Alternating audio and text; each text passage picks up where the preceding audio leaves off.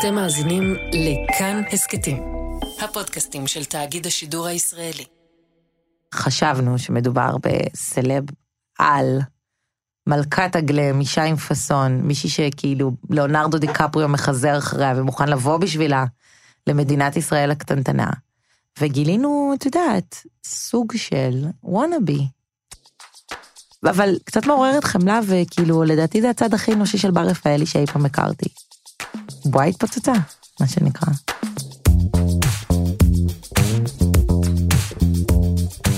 היי, אתם ואתן מאזינים ומאזינות לחיות כיס. אני צליל אברהם, והשבוע אנחנו הולכים לנוח קצת. השבוע אנחנו לא נדבר על קורונה, לא על אבטלה ולא על התקציב. השבוע אנחנו הולכים להתאוורר מכל אלה, ולדבר על סיפור כלכלי ומשפטי ובידורי ורכילותי, על איך בר רפאלי ואימה, ציפי רפאלי, לא דיווחו ולא שילמו מס על הכנסות של כ-25 מיליון שקלים. קצת יותר משנה וחצי אחרי שהוגש נגדן כתב אישום חמור, בר רפאלי ואימה ציפי הודו היום בשורה של עבירות מס והורשעו. במסגרת הסדר טיעון שהוגש לבית משפט השלום בתל אביב, הודתה הדוגמנית הבינלאומית בשורה ארוכה של דיווחים כוזבים לרשויות המס שנמשכו שנים. בית המשפט קבע בחודש שעבר שאימה של בר רפאלי והסוכנת שלה, ציפי רפאלי, תרצה 16 חודשי מאסר ותשלם קנס של 2.5 מיליון שקלים. בר עצמה תרצה עונש של תשעה חודשי עבודות שירות, ותשלם גם היא קנס של 2.5 מיליון. בנוסף, היא תשלם 8 מיליון שקל מס. אנחנו חושבים על חקירות מס כעל דבר אפור ומשעמם, שכרוך בקריאת קלסרים על גבי קלסרים של חשבוניות ודוחות.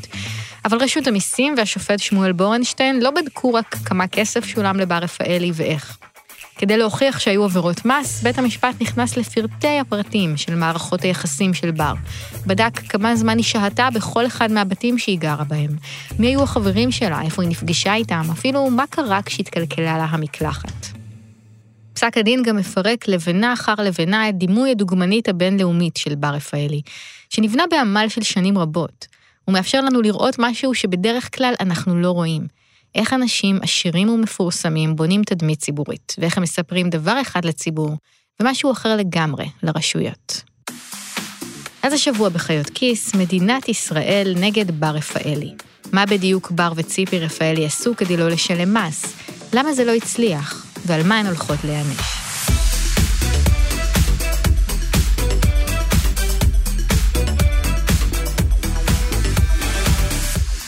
כדי להבין מה בדיוק קרה פה, צריך להבין מי הייתה בר רפאלי בשנים שבהן עוסק פסק הדין, 2009 ו-2010. וכדי לעשות את זה, הזמנתי לאולפן, לא בזום, את מגישת הפודקאסט האהוב עליי, צליל הופמן. אני צליל הופמן, אני עורכת את אה, מאקו תרבות ו-TVB, ומגישת הפודקאסט אה, כמעט מפורסמים, ברדיו תל אביב. כמעט מפורסמים הוא פודקאסט סופר כיפי וסופר מצחיק שצליל מגישה יחד עם עדן יואל, שעוסק לרוב בסלבריטאות זעירה ביותר, פליטי ריאליטי, כוכבי טיק טוק, פה ושם גם בסלבס בגודל של בר רפאלי. בעיקרון, הגישה שלי לתרבות זה שתרבות פופ היא הכי מעניינת, שאפשר לדבר עליה בהקשר של תרבות, כי היא באמת מעידה על הלך הרוח גם בחברה ועל מה אנשים באמת בוחרים ועושים, ואני מאוד מאוד מעריכה כמובן תרבות גבוהה. אבל אני חושבת שדרך הדברים האלה, אפילו דרך אייטמים, אפילו כמו הפסק דין הזה של בר רפאלי, את יכולה להבין כל כך הרבה דברים על, על יחסים בין הסלבס לתקשורת, על איך אנשים תופסים הצלחה, על הכל, באמת, כי בסוף מה שאנשים אוהבים לקרוא זה מה שקצת יותר מעניין ממה אנשים רוצים להגיד שהם אוהבים לקרוא. בשנים 2009 ו-2010, השנים בהן עסק המשפט, אנשים בישראל מאוד אהבו לקרוא כל דבר על בר רפאלי. אלה היו שנות השיא בקריירה שלה, ונראה היה שהיא הישראלית המצליחה בעולם. פתאום כשאת חוזרת אחורה לביוגרפיה שלה ב-2009-2010, את אומרת, טוב, זה היה נראה big, זה היה כאילו שלט בטיים סקוואר, בר רפאלי מגיע להתארח אצל דיוויד לטרמן. Our uh, next guest can be seen on uh, newsstands nationwide as this year's Sports Illustrated swimsuit issue cover model. Please welcome the very lovely Bar Refaeli. הקריירה הבינלאומית של בר רפאלי התחילה לנסוק בסביבות 2006. אז גם התחילה מערכת היחסים שלה עם ליאונרדו דיקפריו. בשנים שלאחר מכן היא עשתה כל מיני דברים מאוד גדולים בחו"ל, קמפיינים לשנל, לרלף לורן, לוויקטוריה סיקרטס, סמסונג, ריבוק וסובארו. היא הופיעה על שערים של מגזינים כמו ווג, הרפרס בזאר, GQ ומרי קלר. גם הייתה איזו אובססיה של ההיפ-הופ בתקופה הזאת לדברים עם קצת טאצ' ישראלי, היה את, אה, את זוכרת את Party with Damascus, זה וייקלף ג'אן ומיסי אליוט שרים בוא חביבי נשתגע. וזה היה להיט מטורף, ובאותה שנה גם קני ווסט כתב איזשהו שיר שהוא מזכיר בו את בר רפאלי ואסתי גינזבורג.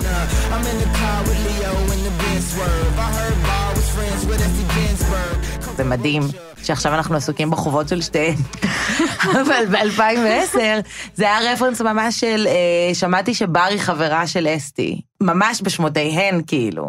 בשנים 2009 ו-2010 היא הרוויחה כ-25 מיליון שקלים. אבל משלם המיסים הישראלי לא ראה שקל מכל הכסף הזה. למה?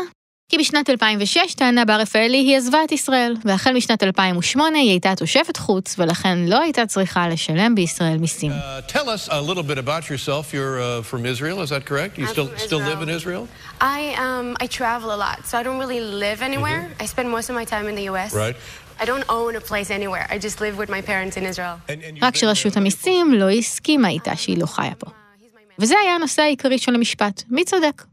בר רפאלי, שאומרת שבאותן שנים היא הסתובבה בעולם, לא חיה בישראל, ולכן גם לא צריכה לשלם מס בישראל, או רשות המיסים, שאומרת שבר חיה כאן, וטבתה מצג שווא של הסתרות ושקרים, כדי לגרום למדינה לחשוב שהיא חיה בחו"ל, ולפטור אותה ממס.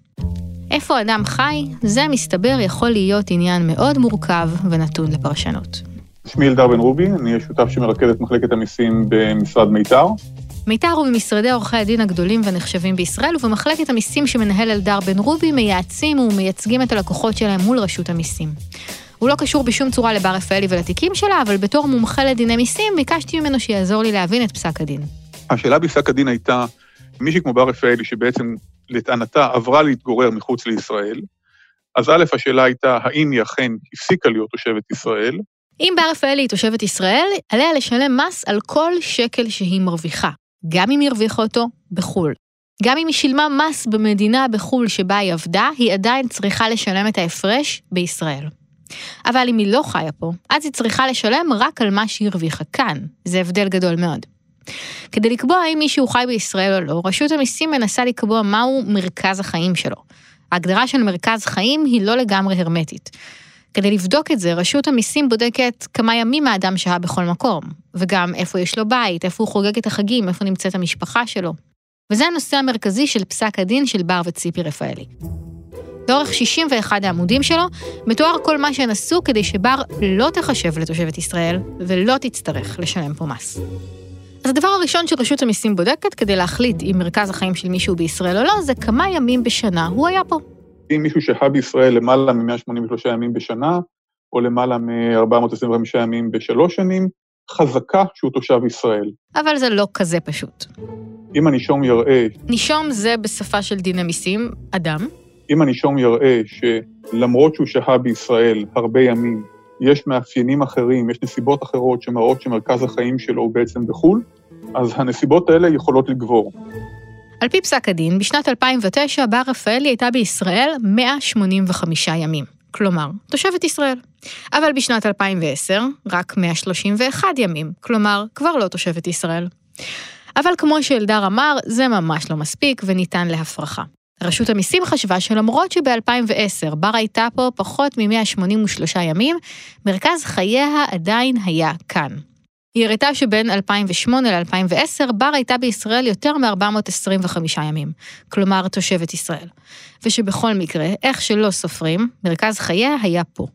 וכאן הדברים כבר נעשים מאוד מאוד מפורטים ואישיים. האם בר רפאלי גרה בישראל או לא? מרכז החיים הוא אה, מבחן שמסתכל על כל הממדים, מספר הימים הוא אחד מהם, איפה שיש לך בית קבע זה שני, ואם יש לך כמה בתים, כי יש הרי אנשים שיש להם כמה בתים ברחבי העולם, הוא מה בית הקבע העיקרי. זאת אומרת, יש פה מבחן שמסתכל על הרבה מאוד נסיבות שבוחן את זה. או כמו שאנחנו נקרא לחלק הזה, מעשה בחמישה בתים.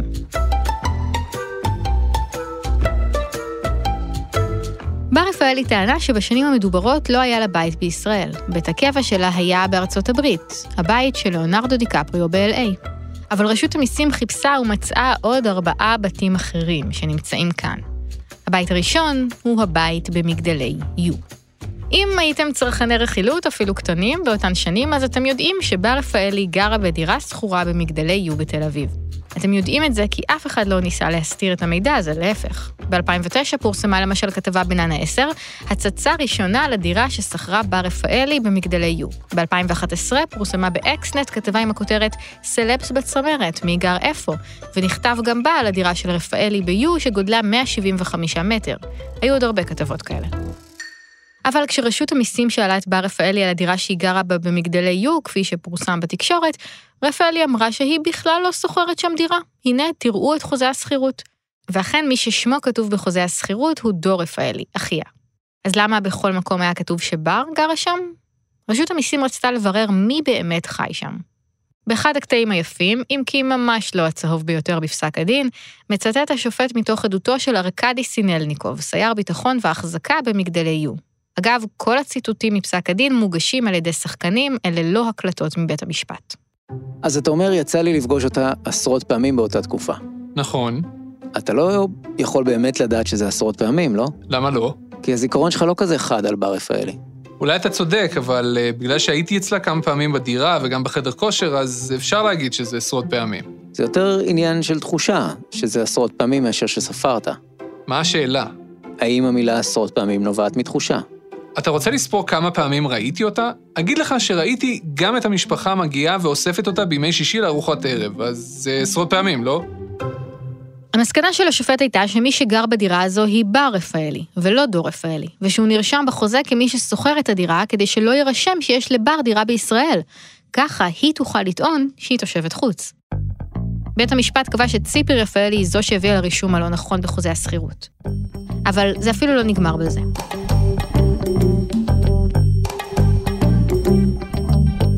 שכר הדירה שבה רפאלי שילמה על הדירה במגדלי יו היה 2,500 דולר. זה היה ב-2009 משהו כמו 10,000 שקל בחודש. אבל לשכור דירה במגדלי יו לא עלה אז 10,000 שקל בחודש, זה עלה כ-26,000 שקל. אז מי שילם את ההפרש? זה מה שאמרה דפנה קציר, סמנכ"לית השיווק והמכירות בחברת חב"ס, שיזמה את הפרויקט. לראשונה פגשתי את בר רפאלי ואת ההורים שלה במשרד המכירות בפרויקט יו. הם החליטו לשכור דירה בפרויקט עבור בר רפאלי. אני סייעתי לגשר על הפער בין המחיר לבין מה שהיא הייתה מוכנה לשלם, היות והיה חשוב לנו מבחינת המיתוג שבר רפאלי תגור ביו. אגב, לא מדובר בסתם הנחה מאיזה מחיר מחירון מופקע. הדירה כבר לא הייתה שייכת למגדלי יו, היא נמכרה ללקוח, אדם בשם אבי אורון, והחברה שילמה לו את ההשלמה לשכר הדירה של בר. ברשות המיסים שאלו, מה אתם מקבלים תמורת הכסף הזה? וקציר ענתה, הנוכחות של בר בפרויקט, עצם העובדה שהיא בחרה בפרויקט וגרה בו, יהפוך את הפרויקט לנחשק עבור אחרים. המודעות של הציבור אודות מגוריה של בר רפאלי ביו תל אביב, הם בעצם האפקט. מספיק שיש בעיתון איזשהו אייטם שקושר בין הפרויקט לבין הגברת, אתה מקבל את האפקט. אתה רוצה את המודעות של מגורי הגברת בפרויקט, אם זה נשאר סודי, לא השגת כלום. המטרה היא שבר תהיה בתוך הפרויקט. תגור בפרויקט, תסתובב במסדרון, תהיה במכון כושר, תביא את החברים שלה. על זה אמרה בר רפאלי בחקירה שלה שהיא לא יודעת מי מימן את שכר הדירה שלה במגדלי יו, ושהיא לא נתנה שום שירות מצידה. עובדה, אין שום חוזה בינה לבין יו לפיו היא נותנת להם שירותי פרסום. ועל זה כותב השופט, אין מתנות חינם. אם חברת נדל"ן שוכרת לך דירה באלפי שקלים לחודש, גם אם היא לא חתמה איתך על חוזה, ברור לשניכם שהיא מצפה לקבל תמורה. תחשבו על זה ככה, נגיד שאתם מקבלים מבעל הבית שלכם הנחה בשכר הדירה. במקום לשלם 4,000 שקל בחודש, אתם משלמים 1,000 שקל בחודש. והרעיון הוא שבתמורה להנחה הוא יוכל לספר לכולם שאתם בחרתם לגור דווקא בדירה שלו. אז זאת סתם הבנה ביניכם והוא עושה לכם ג'סטה, או שקיבלתם פה הכנסה שחייבת במס? על פי דיני המיסים, האפשרות השנייה היא הנכונה. זה נקרא הכנסה רעיונית. למרות שאין חוזה ושאף אחד לא הוציא חשבונית על שירותי פרסום, בר רפאלי נתנה למגדלי יו שירותי פרסום וקיבלה בתמורה השלמה לשכר דירה של כ-16,000 שקל בחודש. גם אם הברטר הזו נעשה אפילו מתוך הסכמה שבשתיקה, ההכנסה הזו היא הכנסה שהיא חייבת לשלם עליה מס. אז בואו נסכם את כל מה שהיה פה. בר רפאלי שכרה דירה במגדלי יו, קיבלה במתנה חלק משכר הדירה, אפשרה למגדלי יו לפרסם בכל מקום שהיא גרה אצלם, לא דיווחה על ההכנסה הזאת, וכל הזמן הזה, כשהידיעה על מגורי הביום מתפרסמת בכל מדורי הסלבס, היא טענה בפני רשות המיסים שהיא בכלל לא גרה בישראל, שהדירה הזאת היא דירה שאח שלה שכר, ושההכנסות שלה בישראל הן אפס. לי זה נשמע כמו דוגמה די טובה ללהשתין מהמקפצה. לא כמו שאלדר בן רובי מנסח את זה. רשות המיסים התייחסה לתיק של בר רפאלי כאל תיק דגל. בגלל הפרופיל הציבורי הגבוה וגם בגלל אה, פרופיל ההתנהגות הדי בוטה שלה. אישה שהיא נקטה פה הייתה די בוטה, עד כמה שאני מתרשם. אחרי שהסתיים החוזה עם מגדלי U בנובמבר 2010, רפאלי שכרה דירה נוספת במגדלי W, גם פה אותה שיטה. החברה השלימה את שכר הדירה, ומי שנרשמה בחוזה כשוכרת הייתה ציפי רפאלי, כי בר לכאורה לא חיה בארץ. באותו זמן, הוריה של בר רפאלי רכשו דירה בפרויקט שנקרא בלו. השופט השתכנע שלמרות שההורים הם אלה שקנו את הדירה, מי שבעצם רכשה אותה היא בר רפאלי, ושגם כאן היא קיבלה הנחה במחיר תמורת שימוש בשמה. רשות המיסים תשאלה את האדריכל אריק אביב ממשרדו של אילן פיבקו, שסיפר על תהליך העיצוב של הדירה שהתנהל מול בר. למי הבנת שמיועדת הדירה? לבר רפאלי. איך הבנת את זה? דיברנו על הצרכים שלה. תן לי דוגמה לצרכים. לקחנו שתי דירות שמתאימות כל אחת למשפחה, ויצרנו דירה שמתאימה לבחורה אחת רווקה. זה סיפור אחר לגמרי. מה הייתה מידת המעורבות שלה בעיצוב? כמו כל לקוח אחר, אמרה מה היא אוהבת ומה לא. כלומר, היה ברור לכל אורך הדרך שהדירה מעוצבת עבורה. כן. ההכנסה הרעיונית מכל הדירות האלה, ההנחה בשכר הדירה במגדלי U ובמגדלי W, וההנחה במחיר הדירה בפרויקט בלו, הסתכמה על פי פסק הדין בכ-2.5 מיליון שקלים, שבה רפאלי לא דיווחה עליהם לרשות המיסים. צליל הופמן מזכירה שהברטרים האלה, שהיום יש אלפי משפיעניות באינסטגרם שחיות מהם בשגרה, היו אז המצאה חדשה. הכללים השתנו תוך כדי הסלבריטאות של בר. גם אינסטגרם וגם אירועים וכל האינפלציה הזאת של כוכבים. שהיה קצת הרבה פחות, את מבינה? והיה צורך כאילו, נראה לי לנסח את הכללים תוך כדי. והיא צריכה לשלם על זה את המחיר, בין היתר, מבינה? לא שאני פוטרת אותה מהאשמה, אבל הדברים השתנו, ואני מאמינה שהיום כשיש לך אינסטגרמריות בנות 18, הן כבר יודעות יותר טוב איך להתנהל עם רשות המיסים מאשר מה שבר רפאלי ידע אז. בית נוסף שנידון בפסק הדין הוא בית ההורים של בר, בהוד השרון. רפאלי טוענת שהיא ישנה מדי פעם בבית, אבל זה לא אומר שהיא גרה שם. אדם מבוגר יכול לישון לפעמים בבית הוריו, וזה לא אומר שזה הבית שלו. והשופט מקבל את הטיעון, אבל מצטט את ציפי רפאלי, שאמרה בעבר שבר מגיעה משדה תעופה ישר להוד השרון, ושיש לה אגף משלה בבית, שמנקים ומבשמים עבורה.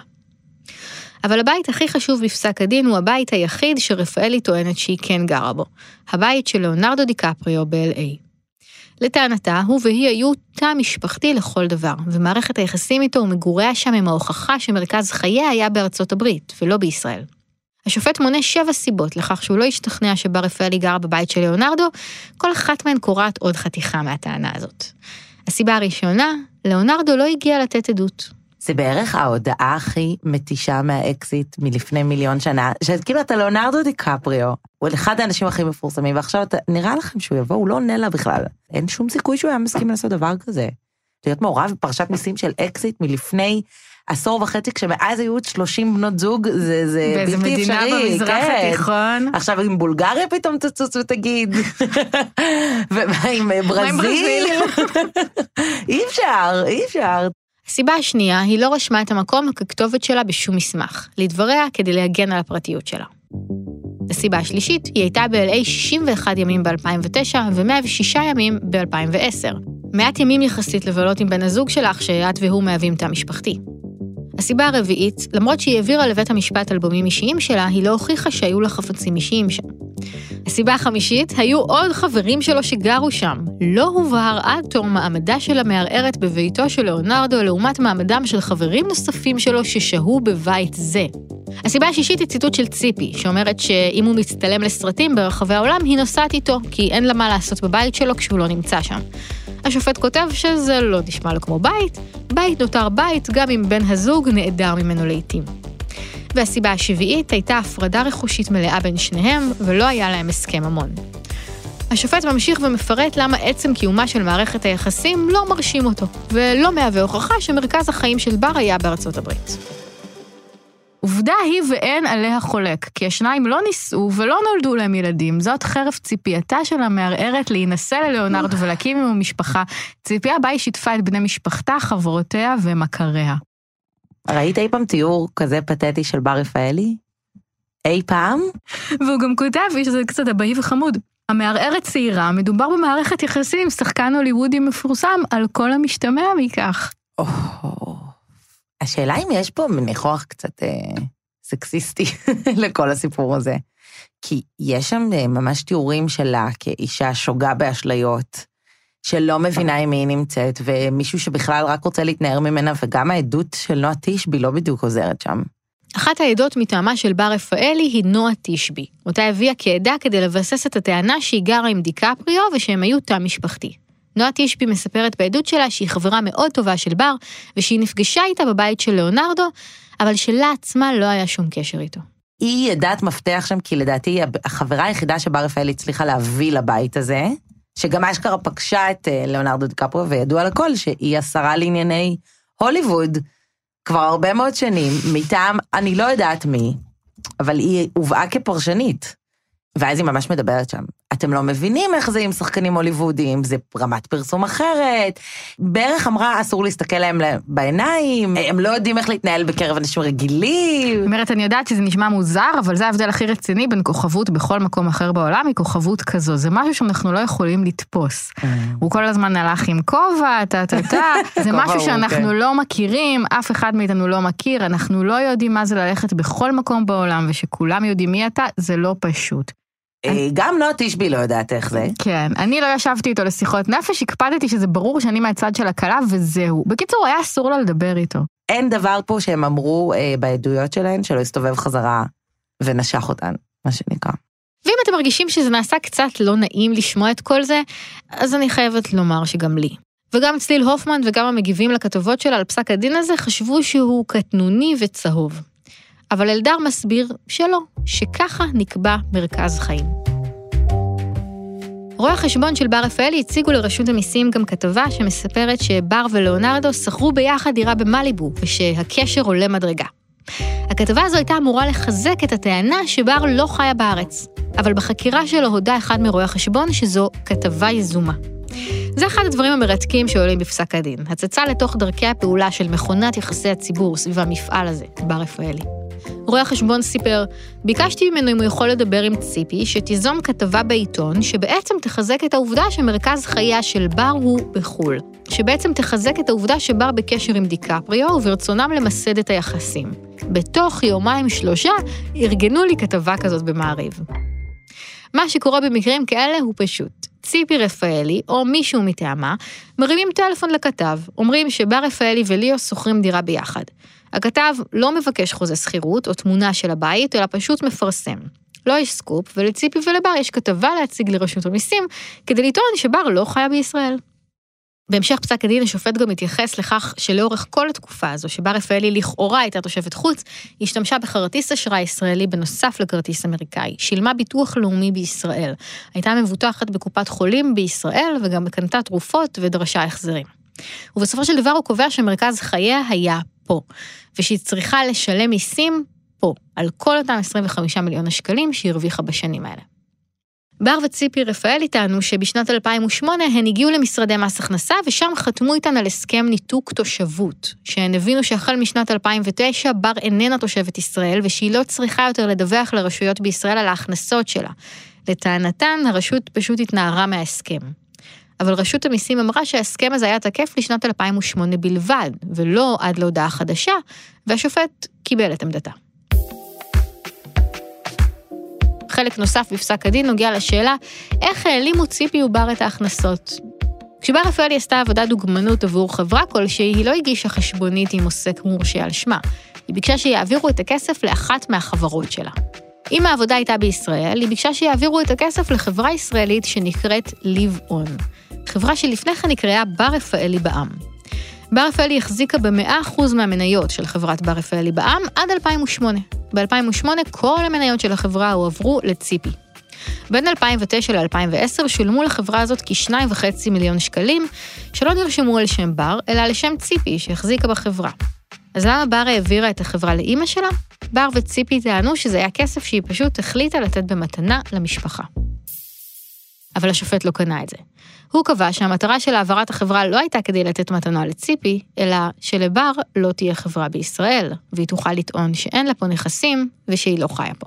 אני מניח שזה העברה של זה לאימא שלה היא כדי להקטין את הזיקות הישראליות שיש לה. כשאמרנו שבוחנים את התושבות, האם מישהו תושב ישראל כן או לא, בוחנים את uh, כל הזיקות שיש לו לישראל. אז חלק מהזיקות זה איזה נכסים יש לך בישראל ואיזה פעילויות יש לך בישראל. אז אם היא מעבירה את המניות בחברה הישראלית לאימא Mm. שלה, היא מקטינה את היקף הנכסים שיש לה בישראל.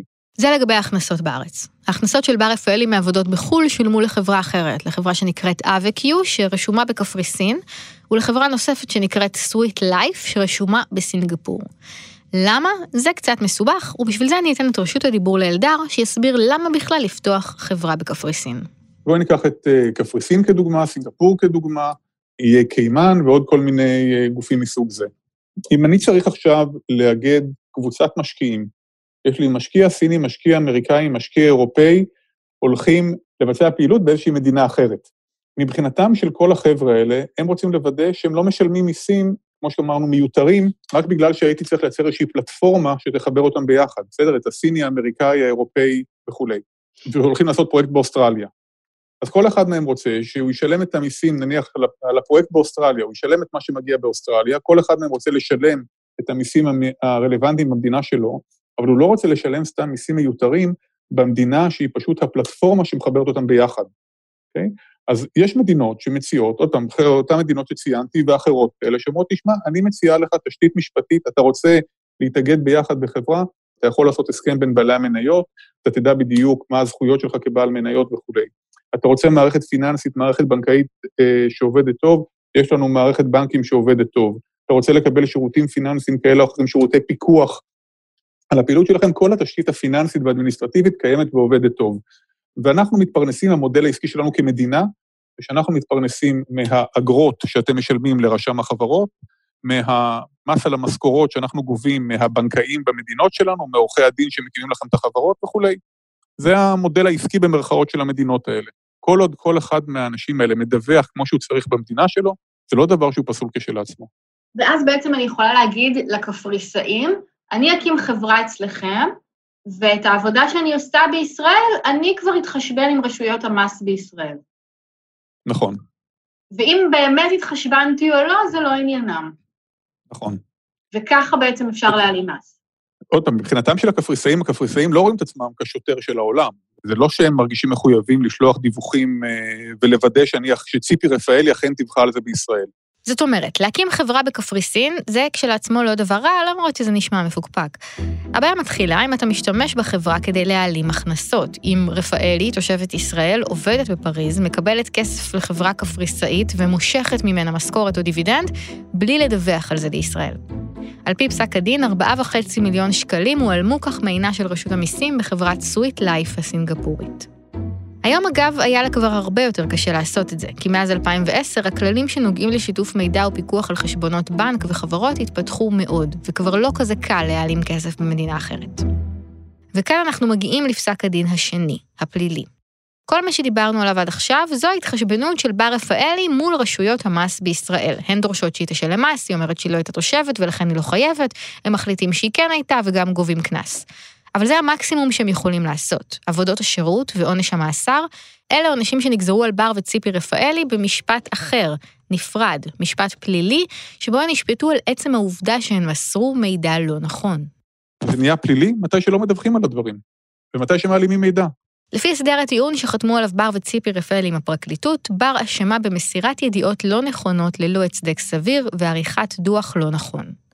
ציפי רפאלי אשמה במסירת ידיעות לא נכונות ללא הצדק סביר, עריכת דוח לא נכון, השבת תשובה כוזבת, השמטת הכנסה מדוח ובשימוש במרמה, עורמה ותחבולה. בתקשורת פורסם שציפי רפאלי תיכנס לכלא במקום בר, אבל בהסדר הטיעון לא נכתב כמובן שום דבר כזה. בפסק הדין האזרחי השופט מציין כי ציפי רפאלי הייתה אחראית לצד האדמיניסטרטיבי ושימשה כסוכנת של בר, שדאגה גם לענייני הכספים שלה. הוא קובע שהיא זו שניהלה את החברות הזרות, והוא מטיל עליה את רוב האחריות לעבירות. לפי צליל, אפשר לומר אחרי הפרשה הזאת שנמצא משהו שהישראלים שונאים עוד יותר מרשות המיסים. אני חושבת שהייתה שם תחושה של אנחנו טובים יותר מכם, ו... ושהייתה חשובה גם בשביל לטפח את התדמית הזאת של היא הדבר הכי גדול שקרה לישראל, היא עושה לנו הסברה מטורפת רק בעצם זה שהיא הולכת ברחבי העולם ואוהבים אותה ומעריצים אותה ומזמינים אותה ובאים לישראל בשבילה, ועכשיו זה כזה, אנחנו כבר לא מאמינים לך. והיה גם, את יודעת, גם צה"ל וגם המיסים, כאילו היא, היא נופלת במקומות הקריטיים לישראלים, את מבינה? גם קובי פרץ התמרמר על אה, רשות המיסים, ואף אחד נכון. לא לקח את זה כל כך קשה. לא חושבת שזה יהיה לטובתה שבישראל בסוף מי שמעלים מיסים בעצם הוא יוצא גבר? כאילו, כמה שהיא שנואה, אין שנוא יותר ממס הכנסה. לא, במקרה הזה יש. יש, יש, זאת התחושה, כי התחושה היא של תפסנו אותך, ובדרך כלל, את יודעת, על כל סלב אחר הייתי אומרת לך שהציבור היה אומר, אתם עושים לו, אתם מביישים אותו, ורק בשביל אה, להראות שאתם גדולים, אתם אה, אה, נותנים לו עונש לא מידתי, כמו קובי פרץ, כמו בלאגן עם אה, משה פרץ, אבל אצלה, זה לא רק שהיא מגיעה לה, זה גם היא הייתה מוכנה לתת לאימא שלה, אישה בת 60, להיכנס לכלא בשבילה. כאילו, כמה את לא אמפתית ולא סימפטית. אני חושבת שכשאמרו את גזר הדין או משהו, היא העלתה איזה סטורי בבריכה, ואנשים התפחלצו. ביום כזה קשה של אימא שלך, את בבריכה. אין, היא לא יכולה לנצח, זה לא משנה מה היא תעשה, היא לא מצליחה. הם נורא רצו לתת הפיל של חו"ל וגלם והוליווד, ופה את משלמת על זה. עבירות המס של בר רפאלי הן דרך מעניינת ללמוד על דיני מיסים. אבל זו לא הסיבה היחידה שחשבנו שזה סיפור טוב ושכדאי לעשות עליו פרק בחיות כיס. באותה מידה אפשר לשאול למה רשות המיסים השקיעה כל כך הרבה משאבים בראיונות עם שומרים ואיכונים סלולריים, כדי בסופו של דבר לגבות כמה מיליוני שקלים. כסף הוא לפעמים גם מטאפורה, מטאפורה לתשומת לב. אנשים מפורסמים חיים ממש מתפרנסים מזה שכולנו יודעים מי הם, מזה שאנחנו שמים לב לנוכחות שלהם. ואתה לא יכול לחיות מתשומת הלב הציבורית בלי להחזיר משהו לציבור. המשהו הזה יכול להיות הכרה, תשומת לב, שירות צבאי, או תשלומי מיסים. כמו שבר רפאלי עצמה אמרה בריאיון לעובדה בדירה שלה במגדלי יו ב-2011. מה הכתבה יכולה להסגיר? להסגיר? כן, מה כבר יש אצלך בפנים? זה פשוט אה, טבעי שכשאתה יודע שהמון אנשים יראו אותך, צריך להתנהג בהתאם.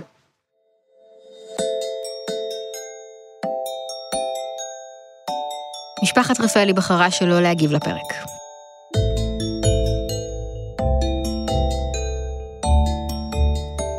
חיות כיס הוא הפודקאסט הכלכלי של כאן. העורך שלנו הוא רום אטיק, עורך הסאונד הוא אסף רפפורט. סייעו להכנת הפרק יקיר כהן ואפרת גואטה. תודה רבה לדניאל רגב, לשאול אמסטרדמסקי ולתומר מולביטזון על הקריינות. תודה רבה לעורך הדין גידי בן זכאי.